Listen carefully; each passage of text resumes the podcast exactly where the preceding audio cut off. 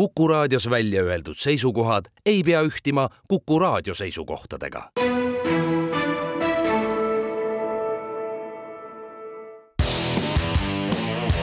spordireporter. spordis kruvib pinget, Pahv kümme ning kuus ja pool minutit on saanud kell, täna on kahe tuhande kahekümne neljanda issand aasta, jaanuarikuu kuueteistkümnes päev. tere kuulama spordireporterit järjekorranumbriga kolmsada nelikümmend neli. kuulama kutsuvad teid Järvelott Tallinn, Susi Joosep, Niss meie saatega saab ühendust e-posti aadressil spordireporter.kuku.ee või Twitteris haaksõna spordireporteri abil, millega on võimalik esitada küsimusi, mõtteid, tähelepanekuid, millele vastamise võtame ette saate kolmandas osas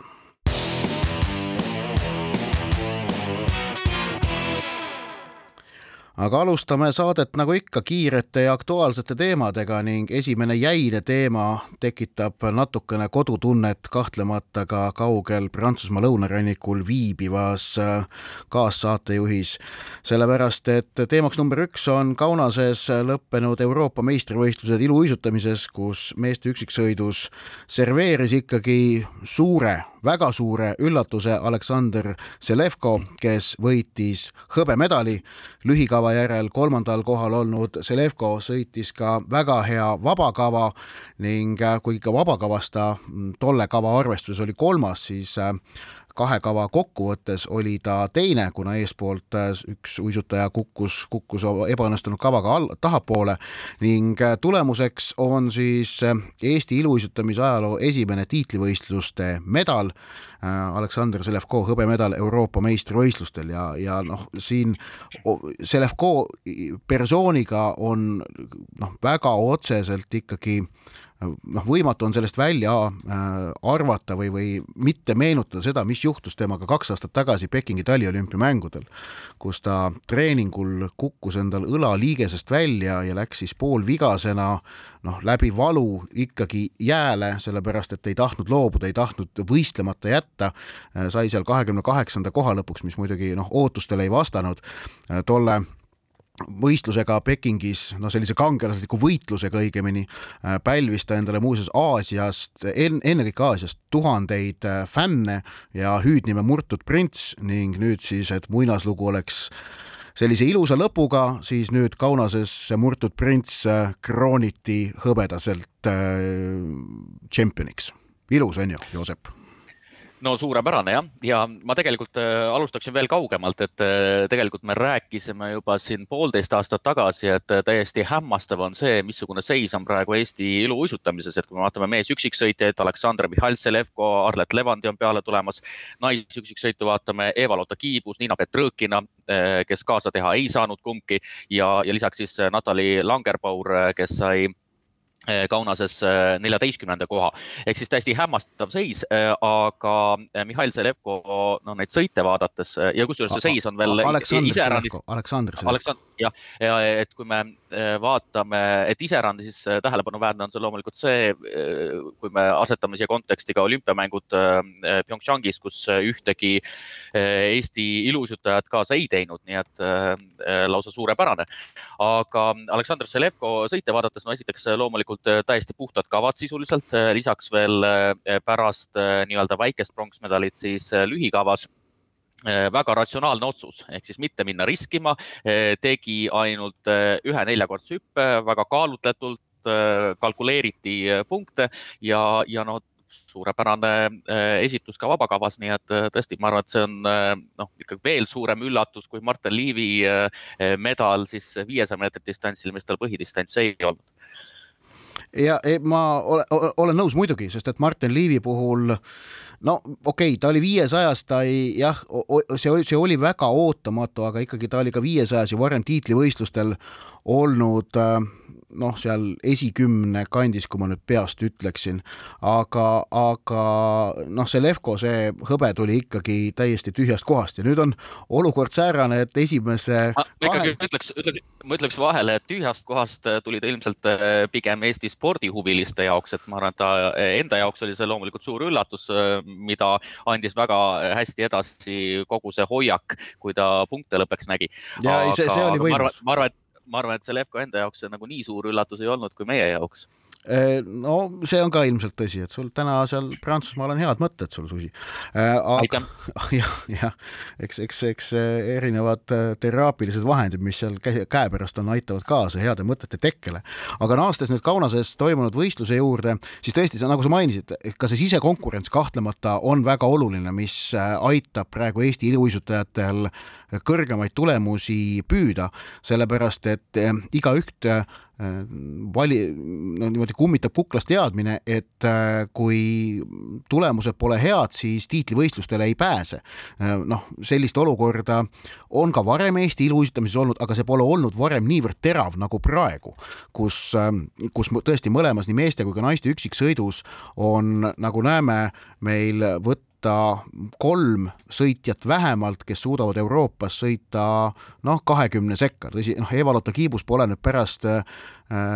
PyeongChangi olümpiamänge tiitlivõistlustel enam, vabandust, mitte Pekingi olümpiamänge, tiitlivõistlustel võistelda saanud vigastuste tõttu, aga noh, tema varasemad tulemused viitavad, et, et kahtlemata ta selleks on võimeline. nii et nii meeste kui naiste seas äh, olemas kolm väga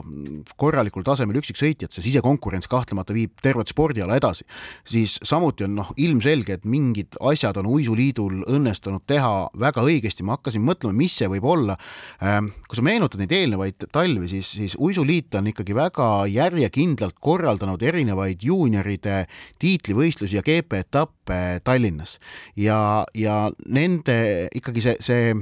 noh, rahvusvahelise taseme koju toomine, no see peab olema motiveeriv ja noh, ma arvan, et, et ka see on üks osa äh, põhjustest, miks me praegu neid äh, kauneid võistlusi oleme Kaunases äh, saanud, saanud jälgida ja vaadata.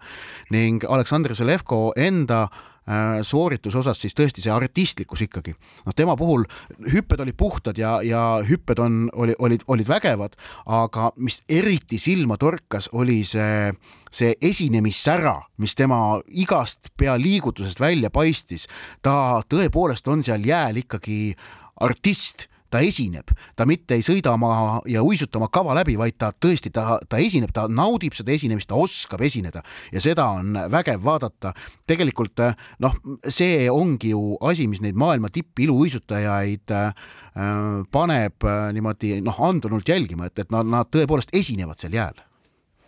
jah, kõigepealt sellest äh, sisemisest äh, konkurentsist ähm, ähm, ja osutades ka Kiibusele, tuletaks meelde, et eelmise aasta lõpus veel äh, Kiibusega räägiti päris omajagu ja Kiibus on ka kinnitanud, et suhtub väga tõsiselt sporti, nii et väga tore. ja lisaks tuletame meelde, et kõik need nimed, mis sai ette kantud, et need on ju väga noored sportlased, et jah, Aleksandr Selevko neist kõige vanem, kahekümne kahe aastane kiibus praegu kakskümmend. Eh, mis puudutab sellesse eh, artistlikkusesse, siis eh, no minu arust väga põnev oli vaadata, et missuguse stiiliga ta esines galaõhtul. et see oli täiesti hoopis teistsugune Selevko, aga noh, samal ajal no minu arvates jällegi see artistlikkus oli olemas, et see no ma ütleks, et noor härra sobib väga hästi jääle, et noh, väga lummav oli vaadata. jah, ja kahtlemata. nii, aga nüüd, nüüd see, et meil on iluuisutamises esimene tiitlivõistluste medal, see on nagu, tähendab sellist nii-öelda uut ajajärku või uut kategooriat või uut sammu Eesti spordimaastikul ähm, kuidas see Selevko medal nüüd meil siin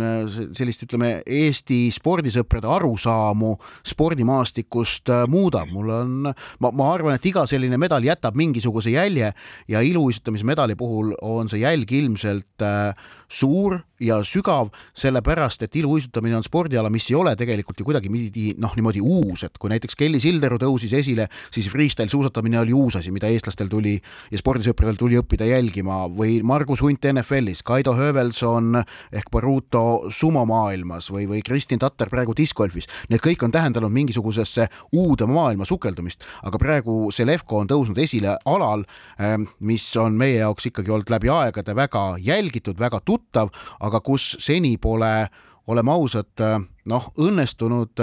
no, no eelmine aasta natukene Niina Petrõkin Euroopa meistrivõistlustel ikkagi seda medalist unistas, aga, aga ei õnnestunud. aga noh, tegelikult see medali äh, tase sellel spordialal on midagi täiesti uut Eesti spordi jaoks ja ma arvan, et need alad, mis sa tõid, ei ole väga sobivad näited. toome võib-olla näiteks eelmise nädala spordireporteri saate, kus me tegelikult rääkisime äh, sarnasel teemal, aga me puudutasime kiiruisutamist ja võiks öelda, et mõlemad on väga pikkade traditsioonidega, aga kui me Martin Liivi medali puhul rääkisime, et ega see väga suurt sellist kiiruisutamise buumi kaasa ei too siis iluuisutamise olukord on minu arvates teistsugune. esiteks, iluuisutamine on vahest kõige põnevam, ägedam talispordiala üldse Äh, ma ei tea, kas sa oled nõus sellega. ma lõikan siia vahele seda... sellega, et, et kiiruisutamise traditsioon võib meil olla küll kauaaegne, aga tegelikult see praegune kiiruisutamise traditsioon on ikkagi väga värske, sellepärast et see, see, see järjepidevus ju vahepeal katkes, aga iluuisutamises seda pole olnud. iluuisutamises Eesti on olnud taliolümpiamängudel alates Albertvillist üheksakümmend kaks esindatud kõikidel kordadel, välja arvatud PyeongChang kaks tuhat kaheksateist ja ei, sellega ma olen äh, täiesti nõus, loomulikult, äh, aga nende alade noh, selline loogika või äh, profiil Eesti spordimaastikul on noh, võiks öelda, et radikaalselt erinevad. et ma arvan ka, et see Levko hõbemedal väikese sellise tõuke või buumi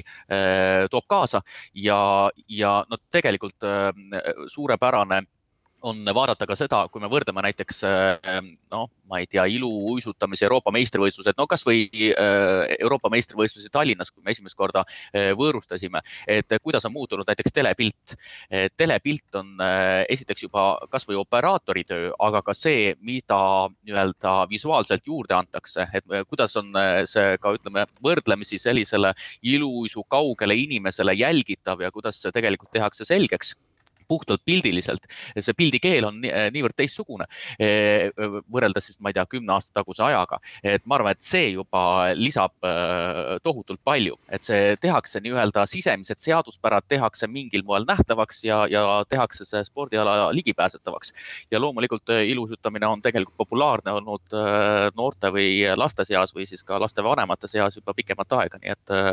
et ma arvan, et see Selevko tõuge lihtsalt äh, natukene veel äh, võimestab seda.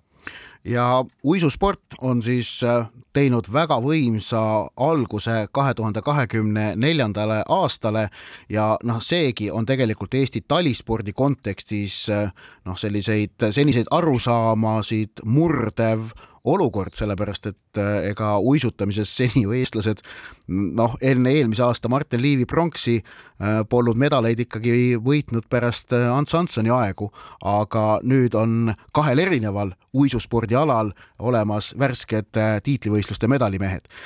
Ja, ja see on, on igati, igati vägev ja, aga enne kui läheme teise teema juurde, ma lihtsalt äh, rõhutaks, et need on ka kaks äh, talispordiala, mis on ülemaailmsed äh, spordialad sisuliselt, et Aasia, Ameerika, seal on iluuisutamine tohutult populaarne ja paslik ongi see teema võib-olla lõpetada tulevikusuunaliselt ehk siis on aega veel umbes kaks kuud ja siis ootavad ees juba Kanadas Montrealis maailmameistrivõistlused mina, tahan, ma tahan, ma tahan ühte asja veel öelda. Eh, eh, noh, okei ma nüüd lõpetan võib-olla natukene sellisel viriseval toonil, aga see väikesest medalist rääkimine oli asi, mis mind mõnevõrra häiris ausalt öelda. me ei räägi ju kümnevõistluse esimese päeva võitjast. et, et need väikesed medalid, ma saan aru, et neid antakse, ka tõstmises antakse, aga noh, nende, nende tähendus on minu meelest ikkagi tagasihoidlik, sellepärast et terve selle spordiala ja selle võistluse eesmärk on ikkagi kahe kava kokkupanek, samamoodi nagu näiteks tõstmises on sul vaja rebimine ja tõukamine kokku panna ning, äh, ning, ning kümnevõistluses ka sa pead kõike kümmet ala tegema, mitte ainult esimest poolt ja, ja, ja nõnda edasi. ehk tuleb rääkida ikkagi terviksooritusest, mitte nendest äh, kavadest, kavadest eraldi ja mina viriseksin ka selle teema lõpus äh, selle äh, virinaga, mille sa eetrisse paiskasid, Ott, et äh, minu arvates kõik seda ka tegid. alade spetsiifika ja retoorika, kuidas aladest räägitakse, on paratamatult erinev ja minu arvates juba väikeseks traditsiooniks on saanud rääkida nii-öelda väikestest medalitest nõnda samuti, aga see ei tähenda seda, et äh, põhimiseks äh, võistluse eesmärgiks on äh, lühi ja vabakava kokkupanek, no seda hoiavad ju kõik alal, vaatamata sellele, et räägitakse ka väikestest medalitest. no kolmapäeva õhtul, kolmapäeva õhtul oli, olid pealkirjad, et Eesti võitis EM-il medali. no see ei ole õige ei noh, see, see loomulikult ei ole õige jah. aga olgu pealegi, läheme teise teema juurde ja läheme Eesti meistrivõistluste juurde. veevehklemise Eesti, Eesti meistriteks tulid nädalavahetusel sakkus Katrina Lehis, olümpiavõitja, kes finaalis alistas teise olümpiavõitja Erika Kirpu. lisaks meestest tuli Eesti meistriks Sten Priinits. tavaliselt me Eesti meistrivõistluste tulemustest ülearu palju ei räägi, need ülearu palju meie saates tähelepanu ei pälvi ega ka mujal Eesti spordimeedias, aga vehklemisega on nüüd lood küll teisiti nimelt kohe, kui keegi midagi ütleb, on äh, tark hakata, võiks öelda, et semiootiku tööriistakohvrit avama või siis eritlema sügavalt eri tähendusstruktuure. Ja no Eesti EP vehklejad taaskord andsid selleks omajagu ainet, ehk siis räägime nendest nii-öelda verbaalsetest torgetest, mis äh, tehti äh, pärast Eesti meistrivõistluste Eh, sportlikku poolt. kõigepealt Katrina Lehis, eh, kes eh, väitis, et pinged naiskonna peatreeneri Kaido Kaabermaaga on jätkuvalt õhus ja nüüd ma tsiteerin, mida Lehis ütles Rahvusringhäälingule. olen kuulnud siit-sealt, kuidas räägitakse, et minuga on suhted kõik head ja kõik on korras, vaid mind ümbritsevate inimestega on probleemid. palun väga vabandust, aga see on puhas vale paraku asjad on nii. ma ei tee sporti sellepärast, et kuhugi kuuluda, ma teen sporti, sest mulle meeldib seda teha. kindlasti olen oma elus selles etapis, kus näen, et kui mind ei taheta, ma ei räägi absoluutselt tüdrukutest, siis ma ei hakka ennast ka suruma. Kui on nii, siis on nii. ja sellele lisaks finaalis kaotanud Erika Kirpu, kes seejuures kolm olulist kodus konkurentsi eelnevalt oli alistanud, andis samuti intervjuu ja Erika Kirpu võin öelda, et on raske motivatsiooni leida, kui peatreener ei usu sinusse. ma olen niimoodi harjunud viimasel ajal, et ma ei saa sinna niisama, vaid pean tulemustega tõestama. kui tulemused tulevad, veel vist ei piisa. tsitaadi lõpp no ilmselgelt jah, näitab, no need, need sellised, sellised ütlused ei ole midagi üllatavat, seal on siis huvitav on näha seda, et äh, ülejäänud äh, Eesti tippvehklejad äh, liigitasid selle võistluse oma sõnavõttudes pigem nagu treeningvõistluseks, et nagu sellel ei olekski teab mis suurt tähtsust olnud. noh, mis seal salata, kõlab nagu natukene hapude viinamarjade moodi, et, et Katrina Lehis tegelikult, kes on noh, olnud avalikus konfliktis alates sügise algusest saadik naiskonna peatreeneri Kaido Kaabermaaga ja ka mitmete teiste Eesti vehklemises ikkagi noh, olulist positsiooni omavate inimestega, sealhulgas ka tegelikult Vehklemisliiduga siis Katrina Lehis praegu selle Eesti meistritiitliga tõestas selgelt, et ta on hetkel Eesti parim vehkleja ja e, mitte ainult sellel võistlusel, vaid me vaatame ka pikemat ajajärku, ta on Eesti, ta tõusis selle Eesti meistritiitliga juhtima Eesti naiste edetabelit hooajal kaks tuhat kakskümmend kolm, kakskümmend neli. ta, ta möödus e, neli tihvertist ja on nüüd edetabeli liider. E, noh, see, see edetabel on oluline, kui ma nüüd õigesti mäletan, Pariisi olümpiamängude noh, sellist stsenaariumit silmas pidades, et kui naiskond sinna kvalifitseerub, isegi siis, kui Lehis sellesse naiskonda ei kuulu, siis oleks äh, päris äh, noh, kummaline, võimatu ja ebaloogiline jätta lõpuks olümpianaiskonnast välja Eesti edetabeli liider. aga, aga noh, see, et kas, et, et kas naiskond olümpiale jõuab või mitte, me teame, see sõltub kahest võistlusest, mis ees ootavad. Lehis andis mõista, et järgmisel etapil tema seal naiskonna eest endiselt ei vehkle, sellepärast no ilmselgelt lahkhelid peatreeneri Kaido Kaabermaaga on jätkuvalt üleval, aga tegelikult edetabeleid lisaks sellele Eesti naiste edetabelile edetabelil on veel kaks, mis äh, on olulised ja, ja see Eesti naiste edetabel noh,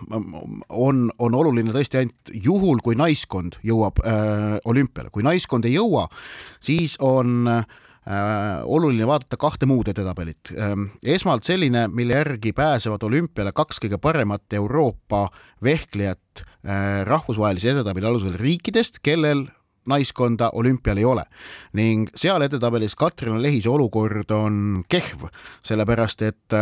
et seda edetabelit juhib üks ungarlanna Anna Kun ja äh, Lehis on kaheksandal kohal, sinna vahele jäävad veel neli Eesti vehklejat, neli Tihvert on teine, Embrich, Kuusk ja Kirpu on ka seal vahepeal, ehk et seal edetabelis peaks Lehis väga pikalt tõusma, et, et et selle kaudu olümpiale pääseda, selle jaoks on tal vaja neljal järgneval etapil Dohas, Barcelonas, Budapestis, Chengdu's, no pea igal pool individuaalselt ikkagi väga selgelt õnnestuda. ja noh, kui kui sealtkaudu ükski eestlane ei juhtu saama, mis tundub praegu ebatõenäoline, siis on oluline edetabel, mille järgi pannakse paika Eesti esindaja Euroopa äh, kvalifikatsiooniturniiril, noh, seal edetabelis on Lehis praegu kolmas, jääb maha neli Tihvertist, aga mitte ja, ja ka natukene ka Irina Embrichist ja veidi enam Nelli Differtist, aga seal edetabelis lehiselt tõusmine on mõnevõrra lihtsam, ma arvan, kui selles eelnevalt mainitud rahvusvahelises edetabelis. see kõik on väga segane, aga eks see peegeldab ma arvan ka seda tihedust, milles vehklejad tegutsevad olümpiale pääsemist silmas pidades, et see konkurents vehklemises on tihe jah, aga äh, nüüd siis äh, on tähelepanu keskpunktis äh, loodetavasti sportlik pool ja Eesti naiskonna lootused ikkagi tagada ka naiskonnana pääs Pariisi olümpiamängudele. ja kõigepealt siis Doha maailmakarika etapp, mida on nimetatud rahvusvaheliseks treeningvõistluseks, ütles nõndamoodi Irina Emrich ja seejärel siis Barcelona naiskonnaturniir, kus on noh, naiskonna võistlustes olümpiamängud olümpiapunktid äh, mängus, nii et äh, see on see äh, põhieesmärk praegusel hetkel. Läheme edasi, teema number kolm ja räägime jalgpallist, sellepärast et Eesti meeste jalgpallikoondise noh, B või C rivistus, midagi sellist vahepealset, äh, pidas eelmisel reedel Küprosel maavõistluse Rootsiga. see mäng toimus üpris ekstreemsetes tingimustes, eriti esimese poole ja viimane pooltund paduvihmas, väljakul olid loigud, kuhu pall jäi kinni. see meenutas kohati seal rohkem sellist veesõda või, või mudamaadlust, sellepärast et normaalset jalgpalli mängida selle esimese poole lõpus oli võimatu, noh söötu eh, sai anda ainult õhust, lõid palli kaugele ette, sa teadsid, et sinna kohta, kuhu pall pall langes, ta ka pidama jäi ning siis ajasid seda seal taga. selles eh, veejalgpallis lõid mõlemad ühe värava, Eesti eh, läks Kevor Palumetsa väravast juhtima, Rootsi viigistas, teisel poolel, kui sai mängida normaalsemat jalgpalli, oli Rootsi mänguliselt selgelt üle, lõi, lõi veel ühe värava ning võitis selle maavõistluse kaks-üks, aga no selge oli see, et selle maavõistluse Eh, eesmärk ei olnud eh, noh, sportlik tulemus, vaid seal oli ikkagi mõlema võistkonna jaoks oli, oli eesmärk kontrollida ja karastada, ehk et saada tagasisidet erinevate mängijate kohta, kuidas nad rahvusvahelisel tasemel mm, võiksid hakkama saada jah, ja peaaegu oleks kogu see eh, põhiline eesmärk või, või selle eesmärgi teostumine ju läbi kukkunud, eh, sest arvestades, missugustes tingimustes eh, mängiti esimese poole ja ennekõike ikkagi siis teine pool. noh, midagi sellist ma ikkagi rahvusvahelistest kohtumistest pole, pole päris pikka aega näinud ja, ja kui ma ei eksi, äh, äh, tähendab, sina arvasid ka, et see on Toomas Häberli hääl, kuna sa kommenteerisid kohtumist. mitte ma ei arvanud, ma, noh, ma tean, et see oli Toomas Häberli hääl. Äh, et Häberli ka ju küsis, ma saan aru, et neljandalt kohtunikult, et kui see suur vihmasadu oli järele jäänud esimese poole ja lõpu osas, et teha umbes selline kümneminutiline paus, et väljak saaks natukene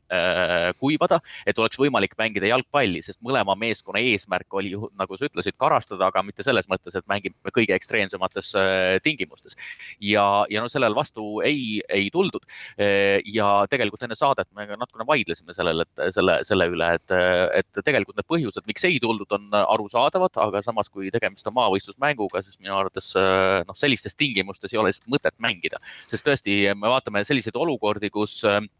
keskkaitsja lükkab äh, söödu tagasi äh, väravavahile ja pall lihtsalt jääb seisma äh, üks hetk ja sama, samas ei saa ka väga tugevasti sööta, on ju, siis mine tea, et äkki, äkki on mingi väljaku piirkond hoopis teistsuguses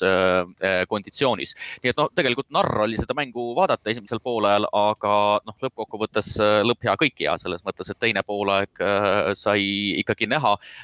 missuguses noh siis äh, seisus äh, need mängijad konkreetsel hetkel on ja kuidas nad sellises äh, võistlussituatsioonis käituvad ja missuguseid otsuseid langetavad. aga no neist põhjustest rääkides, siis selle mängu teleülekande olid korraldanud rootslased, kes soovisid seda kodumaal televisioonis näidata, seda oli näha ka väljaku ääres olnud valgusreklaamidest, mis edastasid Rootsi erinevate ettevõtete reklaami. ja noh, põhjus, miks mängu ei katkestatud, oli väga lihtne, telekavas polnud selle jaoks kohta, satelliidiaega ilmselt ka ei olnud, mäng tuli ära pidada ette nähtud akna jooksul ning just nimelt, kuna tegemist on maavõistlusega, siis selle katkestamise võimalus puudub, kuna selle nii-öelda finantsmuskel ja finantsskeem on oluliselt tagasihoidlikum. finaalturniiri puhul näiteks või sellise noh, suure koondise mängu puhul, mis oleks valiksarjas, oleks see katkestamine olnud palju lihtsam, sest sellise mängu jaoks oleks tehtud telekavas vajadusel muudatused. Äh, aga sellise maavõistluse pärast tõesti muudatusi ei tehta, vaid see oli vaja mängida ära, ma arvan, sel hetkel, kus see oli ette nähtud ja sellepärast mänguga jätkati. aga nüüd siis sportliku poole kohta veel öelda, siis siis mina arvan, et nendest debütantidest ja prooviesinejatest, kes Eesti eest platsile said ja neid oli seal omajagu, seitse debütanti pluss mõned sellised mängijad, kes polnud pikka aega koondisest võimalust saanud. ma arvan, et märtsis toimuvaks Euroopa meistrivõistluste sõelmänguks Poolaga saavad kutse Kevor Palumets, Kristo Hussar, Andreas Vaher, võib-olla keegi veel, aga need kolm meest, ma arvan, kahekümne kolme sekka pääsevad. nii, aga nüüd meil on kiiresti aeg minna neljanda teema juurde, ennem kui me võtame esimese pausi jah, äh, neljas teema ja räägime minu ja Oti ühest lemmiksportlasest, nimelt Ronnie O'Sullivan tuli kaotusseisust välja ja võitis äh, juba kaheksandat korda snuukri suurturniiri Mastersi. finaalis alistas ta Ali Carteri kümme-seitse, kusjuures äh, tänavusel aastal on O'Sullivanil võimalik jätkuvalt võita kõik kolm suurturniiri ja, ja see, see võistlus oli ja finaal oli tähelepanuväärne sellepärast, et publik äh, oli sedavõrd O'Sullivani võimalikust võidust elevil, et tema vastast Ali Carterit meelega häiriti. Carter ei hoidnud selle kohta padruneid tagasi, nimetas teatud tegelasi publiku seas jobudeks, äh, noh, millele tuleb olema ausad alla kirjutada, sellepärast et sellise etiketi rikkumine on, on lubamatu. Aga eks see ole näide sellest, et kuidas äh, kui, kuivõrd võimas sportlane on Ronnie O'Sullivan ehk et äh, publik ei lepi muu asjaga, kui nad tahavad olla äh, tunnistajaks tema võidule ning on seetõttu valmis isegi etiketti rikkuma. ja, aga ma ühe asja, ühe asja ikkagi ütleksin, mulle tuli meelde Williamsi ja Anett Kontaveidi äh, kohtumine puhtalt seetõttu, et need mõlemad on sarnaselt väga selge etiketiga spordialad ja mõlemal puhul kodupublik eelistas äh, siis või õieti siis publik eelistas ühte sportlast ja elas seda väga häälekalt ka äh, välja. spordireporter. spordis kruvib pinget, Pahv spordireporter jätkab Joosep Susi jätkuvalt Nice'is, mina Ott Järvela Kuku raadio Tallinna stuudios ning meie saate viies teema kuulub, nagu meil sel talvel traditsioon on olnud, Eesti talisportlaste tegemiste lahkamisel. alustame laskesuusatamisest, sellepärast et möödunud nädalal sõideti maailmakarika etapp Ruhpoldingus Saksamaal, kus tulemused, oleme ausad, Eesti sportlaste jaoks teab mis rõõmsad ei olnud. kui teatevõistkonnad olid Eh, nädal varem Oberhofis saavutanud mõlemad kaheteistkümnenda koha, siis sedapuhku naiskond oli neljateistkümnes ja meeskond, kes tõsi küll teises eh, vahetuses korraks juhtis võistlust, Kristo Siimer sõitis viivuks liidri kohal, lõpetas võistluse ikkagi alles seitsmeteistkümnenda kohaga. Eh, sprindivõistlustel oli Eesti parimaks tulemuseks Tuuli Tominga neljakümne kaheksas koht ning jälitussõitudes Rene Tsahkna tõusis, tõsi küll, maailmakarika punktidele, saavutas kolmekümne üheksanda koha, tõusis ta viiekümne teiselt kohalt sinna, aga noh, ikkagi need tulemused on hoopis teisest puust võrreldes sellega, mida eh, ennekõike Tuuli Tomingas suutis näidata enne aastavahetust peetud maailmakarika etappidel, samas võib vist tõdeda, et või noh, vaadates ka Indrek Tobrelutsu väljaütlemisi, kes tõesti ei, ei ole praegu kuidagi murelik olnud, siis äh, ilmselt on seis selline, et Tuuli Tomingas selle aastavahetuse treeninglaagriga äh, ohverdas jaanuari, et olla maailmameistrivõistlustel veebruaris paremas löögihoos. noh, loodetavasti see plaan ka toimib, aga märgid viitavad küll sellele, et jaanuar nii-öelda kas teadlikult või poolteadlikult ohverdati ehm, jah, ja tegelikult äh, Indrek Tobreluts äh, läks veel nii kaugele, et ütles, et ilmselt kui vaadata kogu seda laskesuusa seltskonda, siis äh, aasta lõpus, aastavahetusel tuli Tomingas oli sportlane, kes vahest kõige rohkem ja kõige intensiivsemalt äh, treenis. aga eks ole näha, äh, maailmameistrivõistlused algavad ju seitsmendal veebruaril. Ehm, nii et äh, aega on noh, rohkem kui pool kuud, et eks ole näha, kuidas see taastumine välja kukub. aga no tegelikult häid märke oli, tuli Tominga esitlust vaadates ju samuti, kui me vaatame kasvõi jälitussõitu, siis alustas ta neljakümne kaheksandalt kohalt ja tegelikult no suusakiiruses ja ka lamades tiirudes oli ta ju väga hea. Ja tõusis äh, ikkagi no võiks öelda, et pea kakskümmend kohta äh,, aga püstitiirud jah, mõlemas tiirus kolm möödalasku ja, ja sinna see korralik tulemus läks. Ja, ja teiselt poolt äh, võiks öelda, et äh, ikkagi Regina Ermits ka äh, on ikkagi väikese sammu edasi teinud, et äh, ikkagi taaskord sprindi distantsilt vähemalt tagas pääsu jälitussõitu, mis, mis võrreldes siis võiks öelda, et hooaja alguse võistlustega või siis ka eelmise hooaja võistlustega päris selline igapäev Ermitsa jaoks ju ei olnud. aga kui me vaatame laskesuusatamise maailmakarika etapi eelnevatele päevadele, siis põhitähelepanu pälvis ju ikkagi Johanna Talihärm, eh, kes otsustati ehm, kaasata eh, siis maailmakarika etapi eh, Eesti nii-öelda sportlasdelegatsiooni ehk siis anda talle võimalus startida tegi kaasasprindi distantsil kolm möödalasku, koht seitsmekümne kaheksas. no ilmselgelt ka sellised spordivälised elemendid mõjutavad eh, ja loomulikult eh, rääkimata sellest, missugused on olnud Tali Härma nii-öelda tervisemured. aga võiks öelda, et laskesuusaliidule väga hea situatsioon, anti võimalus Tali Härmale ja noh, Tali Härm näitas koht seitsmekümne kaheksas ilmselt järgmisel maailmakarika etapil ei stardi mitte ilmselt, vaid kindlasti, seda ütles peatreener Vindinger ühe etapi lõpus ETV-le antud intervjuus ka, et järgmisel nädalal Anterselvas on Talihärma asemel stardis Hanna-Britta Kaasik ning noh, läheb natukene jah, nii nagu siin oli vist, oli vist võimalik prognoosida, et Talihärm sai võimaluse, noh, eks tal muidugi kõiki kriteeriume arvesse võttes objektiivselt oligi keeruline äh, siin teab mis äh, säravat esitust teha, aga, aga praegu praegu on Laskesuusaliidul nii-öelda paberi peal protokollist võetud argumendid olemas, et talitada nii, nagu neile nende meelest on õige, mis ja paistab, et Laskesuusaliidu meelest on õige, et Hanna-Britta Kaasik on praegu naiskonna neljas liige. Ehm, huvitav on muidugi see, mis juhtub Nove Mesto maailmameistrivõistlustel, et, et äh, kuidas seal stardikohad jaotatakse, kes millised võimalused saab. aga ma, ma hüppan korraks nüüd tagasi enne selle juurde, mis sa ennist ütlesid, et, et näed, Toominga esituses olid mingid head aspektid ja, ja äh, Regina Ermitsa omas, noh, samamoodi ka tegelikult see, et äh, teatesõidus Tsahkna ja Siimer Siimer esimesed kaks, noh, Tsahkna tegi väga hea vahetuse, Siimer oli noh, ka tubli, Tsahkna tegelikult ka jälitussõidus suusakiiruse mõttes oli täitsa korralik, et selliseid väikseid jah, häid rahulolu pakkuvaid nüansse leiab, aga ma arvan, et kui me võtaksime ükskõik millise teise riigi koondise siis kes täitsa seal tipus ei ole, nagu meiegi oleme, siis, siis ka kõikide nende sportlaste seast selliseid üksikuid fragmente õnnestuks leida, mis pakuvad rahulolu. aga äh, noh, selleks, et äh, saavutada ka tulemus, mis valmistaks rõõmu, on vaja need fragmendid kõik kokku panna ja vaja kokku panna maailmameistrivõistlustel, mis on väga-väga palju keerulisem kui see, et praegu neid üksikuid fragmente näidata ja, ja neid üles otsida, et seal on, seal on ikkagi noh, vaks vahet sees ja no väike aga loomulikult on, et ütleme tulemuste osas ilmselt maailmameistrivõistlustel noh, selline ütleme top kolmkümmend tulemust teha on, on võib-olla nõksa lihtsam isegi. aga no ja kui me räägime Tuuli Toominga sõidust näiteks jälitussõidus, siis no, no mis sa räägid, no niivõrd halvasti pole ta püsti lasknud ja, ja, ja praegusel hetkel tundub, et noh, see oli selline lihtsalt väike õnnetus, mis, mis ikka juhtub, aga, aga jah, nõus üldiselt jah, et selline väikeste selliste positiivsete elementide äh, väljatoomine või väljaotsimine, see on selline traditsiooniline Eesti spordiajakirjanike selline paranoiline äh, lugemisstrateegia nojah, nii. Äh, talispordist veel rääkides, Arti Aigro saavutas maailmakarika etapil Wislas kahekümne seitsmenda koha, aga samas tuleb, mul on endiselt tunne, et, et punktidele jõudmine tekitab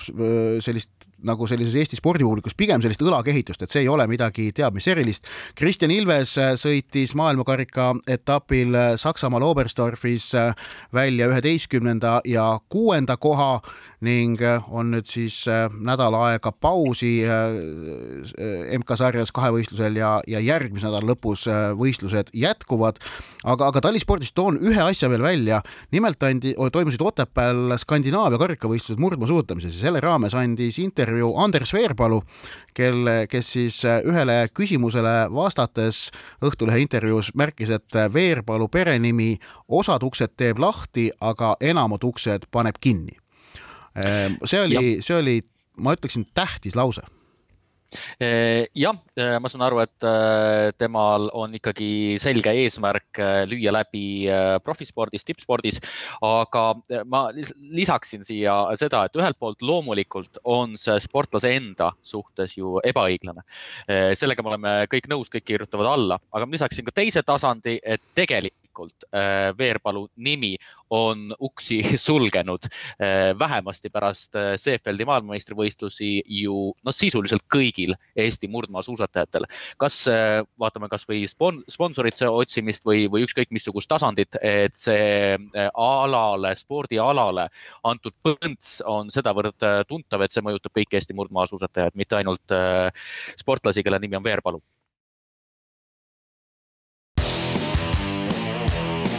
spordireporter. spordis kruvib pinget, Pahv spordireporter jätkab, Joosep Susi jätkuvalt Prantsusmaa lõunarannikul, mina Ott Järvela Kuku raadio Tallinna stuudios ning saate kolmas osa kuulub kuulajatelt laekunud küsimustele.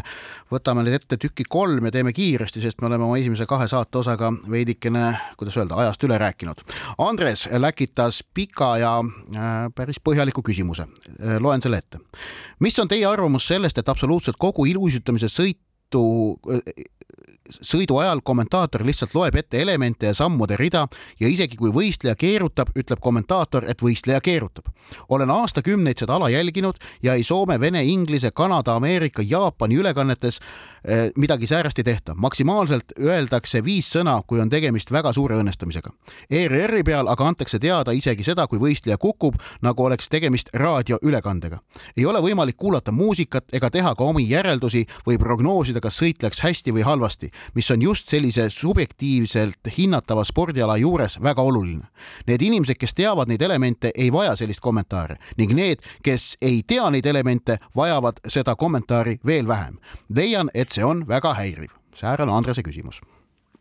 jah, mulle esiteks tuleb meelde, et äh, ma olen teinud raadioülekannet äh, iluuisutamise tiitlivõistlustes, see on äh, väga lõbus, kui sa, kui, kui kuulajad tõesti mitte midagi ei näe ja sa pead seda edasi andma. ma alustaksin võib-olla sellest, et eri spordialadel on reportaaži žanri sisemine loogika erinev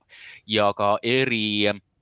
kultuuriruumides ja tegelikult ka eri kultuuriruumide siseselt on erinevaid maitseid, erinevaid stiile, erinevaid käekirju ja see on täiesti loomulik. Eh, küll aga on mingisugused sellised eh, üldised professionaalsed žanrilised käsitööoskused, et eh, no näiteks võib tuua samamoodi jalgpalli on ju, sul võib meeldida Hispaania selline noh, sõnarohke stilistika, sulle võib meeldida sakslaste poeetika, mis on väga selline ökonoomne, minimalistlik ja nii edasi edasi, see on maitse küsimus, aga mingid sellised professionaalsed oskused, professionaalsed reeglid on olemas, näiteks, et me jälgime palli, jälgime, kus pall on, ehk siis kui pall on mängus, siis me midagi ei räägi. et äh, tõesti, see iluuisutamise äh, nii-öelda reportaaži žanr pole Eestis äh, noh, ütleme võiks öelda, et mitte ülearu pikk, ehk siis ta ei ole ka välja kujunenud kuidagi loomulikult, ehk siis seal loomulikult selliseid noh, otsimiskohti on päris palju. ma olen selles mõttes nõus, eriti näiteks gala äh, sõidul, et äh, kui iluuisutaja teeb oma sooritust, ka muusikaline pool on ülioluline siin ja, ja tõesti, et sel hetkel pigem tuleks eelistada rääkida väga-väga vähe. ja mõeldes ka sellele, kuidas iluuisutamise ülekanne on üles ehitatud, siis tegelikult nende elementide kommenteerimine või, või nendele hinnangute andmine kommentaatori poolt on väga hästi võimalik siis, kui näidatakse sellest kavast kordusi, sellepärast et see aeg, mis jääb soorituse lõpu ja hinnete avaldamise vahele, on ikkagi ju mitu minutit. See on, see on pikk aeg, selle jooksul korduste ajal jõuab selle kava kokku võtta ning selle esmase signaali vaatajale, et kas element õnnestus või mitte, annab ju tegelikult ka see roheline või punane täpikene seal ekraani vasakus üleval nurgas, mis, mis, mis tänuväärsel kombel noh, iluuisutamise ülekannete ajal seal jookseb ja annab sulle kohe märku, kas see õnnestus või mitte. kõik need, see, see ekraanigraafika on tegelikult väga informatiivne, erinevalt noh, näiteks kahekümne aasta tagusest ajast, kus tõesti oli palju keerulisem aru saada, aga praegu on iluuisutamine tehtud ka ekraanil oluliselt paremini jälgitavaks. nii, võtame järgmise küsimuse, Jass Jass on äh, esitanud säärase küsimuse, kuidas on võimalik, et aasta parimaks jalgpalluriks valitakse mingis USA teisejärgulises satsis mängiv tüüp? see eh, küsimus puudutab siis eilset õhtut, kui FIFA avalikustas oma aasta auhindade võitjad kahe tuhande kahekümne kolmanda aasta eest ning selle auhinna võitis Lionel Messi. ning äh, siin on nüüd oluline vahe sügisel välja antud Ballon d'Ori, maailma kõige mainekama individuaalse jalgpalli auhinnaga. Ballon d'Or võtab arvesse eelmist hooaega ehk et anti välja hooaja kaks tuhat kakskümmend kaks, kakskümmend kolm eest, mille sisse jäid maailmameistrivõistlused Kataris, kus Argentiina võitis, Lionel Messi oli selle turniiri staar ja parim mängija ning see, et ta võitis tolle hooaja eest, eelmise hooaja eest Ballon d'Ori oli igati loogiline. aga FIFA annab annab oma auhindasid välja kalendriaasta põhiselt. Ning tõesti, aastal kaks tuhat kakskümmend kolm Lionel Messi ei saavutanud ikkagi no mitte midagi, sellepärast et Pariis Saint-Germainiga nad meistrite liigas ebaõnnestusid ning äh, Miami Interis jah, ta tegi küll hea alguse, aga lõpuks ikkagi sõelmängudele neil jõuda ei õnnestunud, nii et tegelikult äh, noh, see oli puhtalt äh, nii-öelda maine pealt antud auhind, selle auhinna võitja selgus hääletuse teel, kus osalesid kõikide riikide koondiste kaptenid, peatreenerid ja ka igast jalgpalliriigist üks ajakirjanik. Ehm, noh, ja tulemus on lõpuks see, et selle FIFA auhinna maine, mis niikuinii on Ballon d'Origa võrreldes olnud tagasihoidlik, langeb nüüd muidugi veelgi, eriti Euroopas, eh, kes säärast asja võtab väga noh, tõsiselt ja, ja süüvib sellesse sisusse. kuskil Aasias ilmselt oleks õnnelikud, et, et näe, Messi võitis veel ühe asja, et seal on võimalik sellega mingeid turundus, eh, turundustrikke teha. nii, aga küsimus küsimustega meil tegelikult eriti enam aega jätkata ei, ei ole, tegelikult ühe jõuame võtta, Ants on veel esitanud küsimuse. kas nüüd võib joone alla tõmmata ja väita, et Kaia Kanepi karjäär on läbi saanud? mis te arvate, kas Kaia meelitaks lahkumismänguks samuti saalitäie rahvast kohale nagu Anett Kontaveit? Ehm, küsimus tõukub siis äh, Prantsusmaa, vabandust, Austraalia lahtistest tennisemeistrivõistlustest, kus äh, Kanepi äh, kvalifikatsioonis esimese mängu kohe kaotas. Ehm, no vanust on kolmkümmend kaheksa aastat ja mul on tunne, et tänavusel aastal, vähemasti tänavuse aasta sees üritab ta veel tippspordiga jätkata, nii et päris joont alla tõmmata ei saa ja, ja vaadates, kuidas on Kanepi sellise karjääri selline tulemuste dünaamika välja näinud, siis no sellist ootamatu ootamatut äh, tulemust võib äh, kanepi puhul Eh, ikka ette tulla eh, ja, ja võib loomulikult olla ka äh, olukord, kus Kanepi on väga heas sportlikus vaimses vormis, aga saab kiiresti esimeses matšis tappa. aga see teine pool küsimusest on võib-olla isegi põnevam praeguses situatsioonis, et kas Kanepi meelitaks lahkumismänguks sedavõrd suure rahva kohale. ilmselt mitte, ma arvan, et kaasa mängiks kas see, mida on Kanepi viimastel aastatel välja öelnud, eeskätt see seoses äh, Vene äh, sportlastega, aga äh, teiselt poolt on see natukene kummaline, sest vaadates, kuivõrd kaua, no ikkagi mitukümmend aastat on Eesti sportlased või Eesti spordihuvilised pidevalt jälginud Kanepi esitusi, no tuletame meelde Kanepi tippaega ja nii edasi. nii et teatud mõttes ebaõiglane, aga, aga nii see ilmselt oleks jah spordireporter. spordis kruvib pinget Pahv spordireporter on jõudnud lõpusirgele, aega on meil tõepoolest väga vähe, aga vaatame tagasi eh, käimasolevale aastale. nimelt eh, uus aasta on alanud Eesti spordil lausa suurepäraselt. nimelt on Eesti võitnud eh, olümpiaaladelt juba kaks Euroopa meistrivõistluste hõbemedalit. kõigepealt Martin Liiv viiesaja meetri distantsil kiiruisutamises ja nagu saate alguses ka pajatasime, siis ka iluuisutaja Aleksandr Selevko ja äh, seda äh, väga põgusat mõttevahetust äh, alustaksin ma tsitaadist, mis pärineb Ott Järvelalt. ma tsiteerin, Eesti sport ei ole üldse nii nõrk ja hädine nagu rahuldamatud vingujad armastavad väita, vähem nuttu ja hala, rohkem optimismi ja kuraaži kehtib nii spordis kui ka mujal. tsitaadi lõpp ja seda ma tõesti pärast Aleksandr Zelevko hõbemedali võitu sotsiaalmeedias kirjutasin ja kuulutasin ähm,. ma võib-olla äkki laiendan natukene, miks ma seda, miks ma seda ütlesin, et, et ähm, mulle, mind jäi häirima ikkagi kahe tuhande kahekümne kolmanda aasta lõpus selline tõepoolest vinguv toon, et, et asjad on halvasti, asjad on kehvasti ähm,. ma ei ole sellega üldse, üldse nõus ja, ja ma olen igati vastu sellisele noh, nagu mina, mina nimetan seda nõukaajaks, nõukaaegseks mõtteviisiks, mida minu meelest on Eesti spordis jätkuvalt omajagu.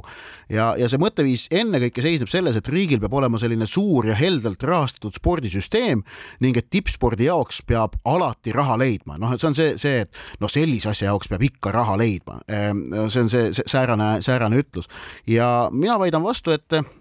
et need, nii need medalid, mida võitsid praegu Martin Liiv ja Aleksandr Zelevko kui ka erinevate muude Eesti sportlaste tippu jõudmised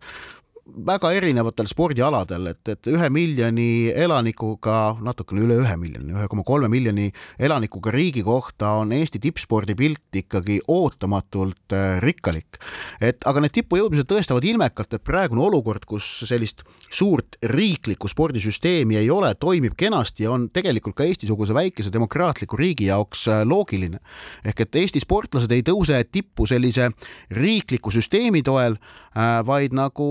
normaalsele kodanikuühiskonnale omane kaasteeliste ja, ja kogukondade toel, sest äh, nendes sportlastes endis peituv sära tekitab äh,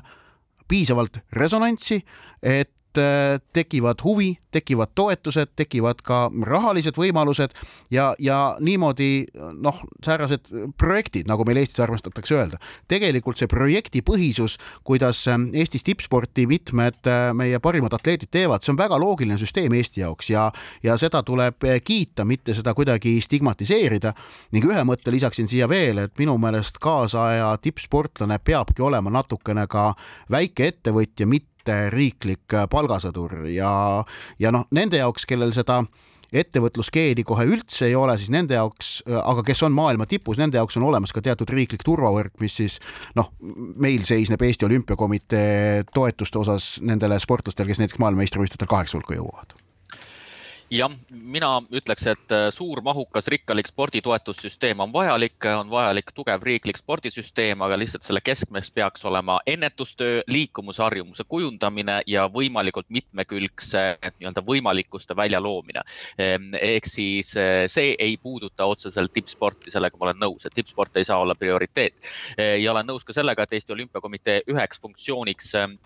võiks olla ka see, et Eesti tippsportlastel tekiks äh, oskus, pädevus just nimelt äh, enda kui ettevõtja nii-öelda toimetamiseks või, või hakkamasaamiseks. see on kindlasti EOK-ga üks funktsioone, mida ma olen aru saanud, ka mingil määral üritatakse kuidagi toetada ja,